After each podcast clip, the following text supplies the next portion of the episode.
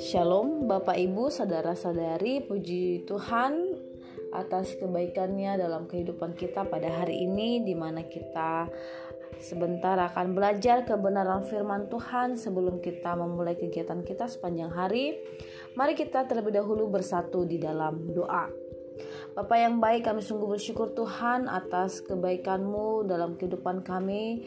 Bapa, di mana sebentar kami akan belajar sebagian dari kebenaran firman-Mu. Berkati setiap hati kami Tuhan agar benih kebenaran firman Tuhan yang kami dengarkan pada hari ini itu menguatkan kami, mengubahkan hidup kami dan kami bertumbuh di dalam kebenaran firman-Mu dan firman-Mu Tuhan yang menjadi pelita pedoman di dalam kehidupan kami.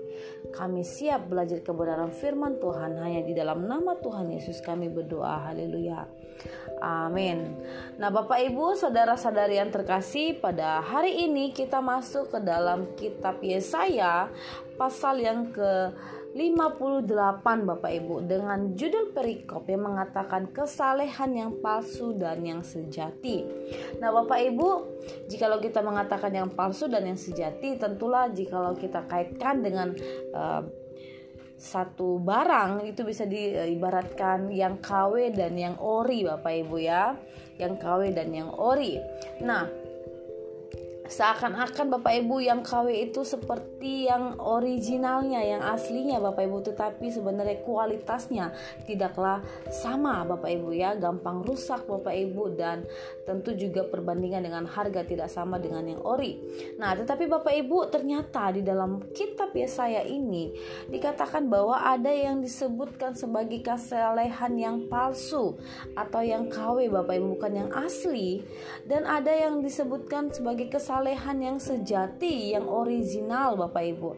Nah, apa yang disampaikan di dalam kitab Yesaya di dalam pasal yang ke-58 ini di mana Nabi Yesaya diminta untuk berseru dengan sekuat-kuatnya dengan tidak menahan-nahan suara melainkan dikatakan nyaringkanlah suaramu bagaikan sangkakala. Di dalam ayat yang pertama beritahukanlah kepada umatku pelanggaran mereka dan kepada kaum keturunan Yakub dosa mereka Memang setiap hari mereka mencari aku dan suka mengenal segala jalanku. Nah, jadi Bapak Ibu kita bisa melihat bahwa apa yang diserukan oleh Nabi Yesaya, dia sedang menyerukan kepada umat Tuhan bahwa mereka sebenarnya giat Ya, setiap hari mereka mencari Tuhan dan mereka suka mengenal segala jalan jalannya Tuhan, Bapak Ibu. Dan dikatakan bahwa seperti ya dikatakan bahwa umat Tuhan mereka bertindak seperti bangsa yang sedang melakukan yang benar dan yang tidak meninggalkan hukum Allahnya mereka sehingga mereka menanyakan hukum-hukum yang benar Bapak Ibu dan ditekankan lagi di dalam ayat yang kedua bagaimana dikatakan mereka seperti mereka suka mendekat menghadap Allah. Dan tanyanya di dalam ayat yang ketiga mengapa kami berpuasa dan engkau tidak memperhatikannya juga? Mengapa kami merendahkan diri dan engkau tidak mengindahkannya juga Sesungguhnya pada hari puasamu engkau masih tetap mengurus urusanmu, kata firman Tuhan, dan kamu mendesak-desak semua buruhmu. Nah Bapak Ibu, jikalau kita melihat di dalam ayat yang kedua sampai ayat yang kelima ini adalah keluhannya Tuhan kepada umatnya Bapak Ibu melalui Nabi Yesaya dikatakan bahwa umatnya seakan-akan uh, mencari dia mengenal mau mengenal segala jalannya. Dan mereka melakukan puasa di hadapan Tuhan. Dan di sini Tuhan justru Bapak Ibu mencela mereka. Dan Tuhan melihat bahwa yang seakan-akan kesalehan mereka itu benar tetapi di hadapan Tuhan kesalehan yang mereka lakukan itu adalah kesalehan yang palsu Bapak Ibu. Karena Tuhan yang mengenal setiap hati kita. Amin. Nah apa yang dikatakan oleh Tuhan di dalam ayat yang kelima melalui Nabi Yesaya sungguh-sungguh inikah berpuasa yang ku kehendaki dan mengadakan hari merendahkan diri jika engkau menundukkan kepala seperti gelaga dan membentangkan kain karung dan abu sebagai lapik tidur dalam ayat yang kelima dikatakan ditekankan sungguh-sungguh itukah yang kau sebutkan berpuasa mengadakan hari yang berkenan kepada Tuhan nah Bapak Ibu apa yang Tuhan inginkan di dalam kehidupan umatnya. Mari kita lihat di dalam ayat yang ke-6 Bapak Ibu dan sampai ayat yang ke-9 dikatakan uh, oleh Nabi Yesaya kepada umat Tuhan, bukan berpuasa yang ku kehendaki ialah supaya engkau membuka belenggu-belenggu kelaliman dan melepaskan tali-tali kuk supaya engkau memerdekakan orang yang teraniaya dan mematahkan setiap kuk supaya engkau memecah-mecah rotimu bagi orang yang lapar dan membawa ke rumahmu orang yang miskin yang tak punya rumah. Dan apabila engkau melihat orang telanjang, supaya engkau memberi dia pakaian dan tidak menyembunyikan diri terhadap saudaramu sendiri dalam ayat yang ke-8 firman Tuhan berkata pada waktu itulah terangmu akan merekah seperti fajar dan lukamu akan pulih dengan segera.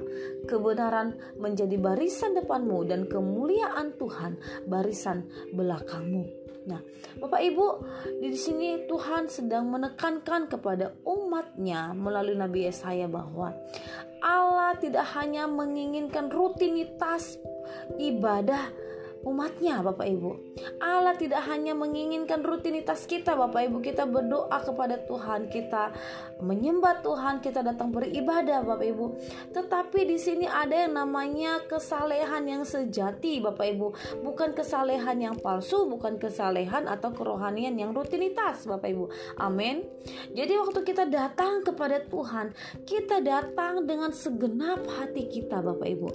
Dengan kesadaran penuh Bapak Ibu bahwa bahwa kita mempersembahkan seluruh kehidupan kita, totalitas kehidupan kita seperti apa yang Tuhan kehendaki, bukan semata-mata agar dilihat oleh manusia seakan-akan kita rohani, tetapi Tuhan mencela itu menjadi suatu kerohanian yang palsu, kesalehan yang palsu. Allah menginginkan Bapak, Ibu, dan saya memiliki kesalehan yang sejati. Amin. Bukan hanya sekedar berpuasa itu yang Tuhan katakan kepada umatnya. Tuhan tidak hanya mau melihat mereka melakukan puasa, tetapi mereka tidak ada kasih. Mereka masih tidak memperdulikan sesama mereka. Mereka tidak melihat orang yang sedang sengsara. Mereka tidak menegakkan keadilan. Tuhan mengatakan bukan berpuasa yang demikianlah yang ku kehendaki, melainkan Waktu engkau berpuasa, engkau harus membuka belenggu-belenggu kelaliman.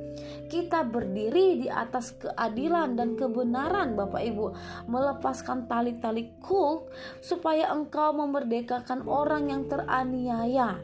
Ya memperhatikan sesama kita. Kita mengasihi Allah dan kita juga mengasihi sesama kita. Amin. Jadi kita tidak hanya berfokus kepada Tuhan tetapi di dalam kasih kita kita mengabaikan orang-orang, saudara-saudara yang ada di sekitar kita, terutama mereka yang sedang membutuhkan pertolongan. Di sini dikatakan seharusnya waktu engkau sedang mengadakan puasamu, kamu harus peduli kepada orang yang miskin, kepada orang yang teraniaya, kepada orang yang telanjang yang memerlukan pakaian. Sehingga pada waktu itulah terangmu akan berfajar, akan fajar dan lukamu akan pulih dan kebenaran itu Bapak Ibu ada di depan kita kita dan dikatakan kemuliaan Tuhan itu menjadi bagian kita. Di dalam ayat yang ke-9 dikatakan pada waktu itulah engkau akan memanggil dan Tuhan akan menjawab. Bapak Ibu bisa melihat bahwa di dalam ayat yang ketiga, dikatakan bahwa ada keluhan dari umat Tuhan waktu mereka berpuasa, tetapi Tuhan tidak memperhatikan mereka. Waktu mereka merendahkan diri, tetapi juga Tuhan tidak mengindahkannya. Kenapa? Karena puasa mereka, kerohanian mereka tidak sesuai dengan yang Tuhan kehendaki. Bapak, ibu, saudara-saudari yang terkasih di mana pun Bapak, ibu berada, Bapak, ibu, bagi kita yang mendengarkan firman Tuhan pada pagi hari ini. Mari miliki kesalehan yang sejati, bukan yang palsu. Amin. Mari miliki kesalehan yang sejati yaitu kesalehan yang di mana kita mengasihi Allah dan juga kita mengasihi sesama kita. Di mana waktu kita memiliki kesalehan yang sejati, kita mengasihi Allah dan kita membenci dosa. Kita memiliki kesalehan yang sejati waktu kita mengasihi Allah dan kita berdiri di atas kebenaran. Apa yang menjadi bagian kita Bapak Ibu jika kita memiliki kesalehan yang sejati?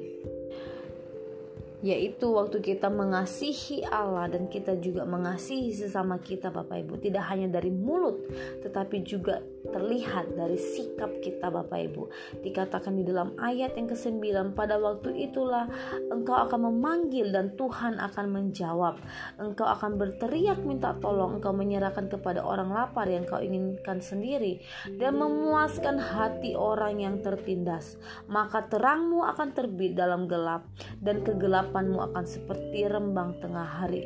Ayat ke-11 dikatakan firman Tuhan. Tuhan akan menuntun engkau senantiasa dan akan memuaskan hatimu di tanah yang kering dan akan memperbaharui kekuatanmu. Engkau akan seperti taman yang diairi dengan baik dan seperti mata air yang tidak pernah mengecewakan. Engkau akan membangun reruntuhan yang sudah berabad-abad dan akan memperbaiki dasar yang diletakkan oleh banyak keturunan.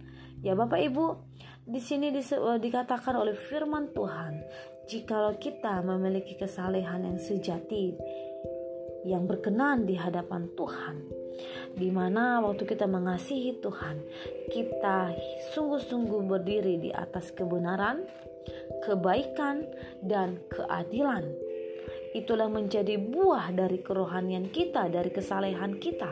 Kita tidak menjadi orang yang merendahkan orang lain, tidak peduli kepada orang lain, melainkan sebaliknya.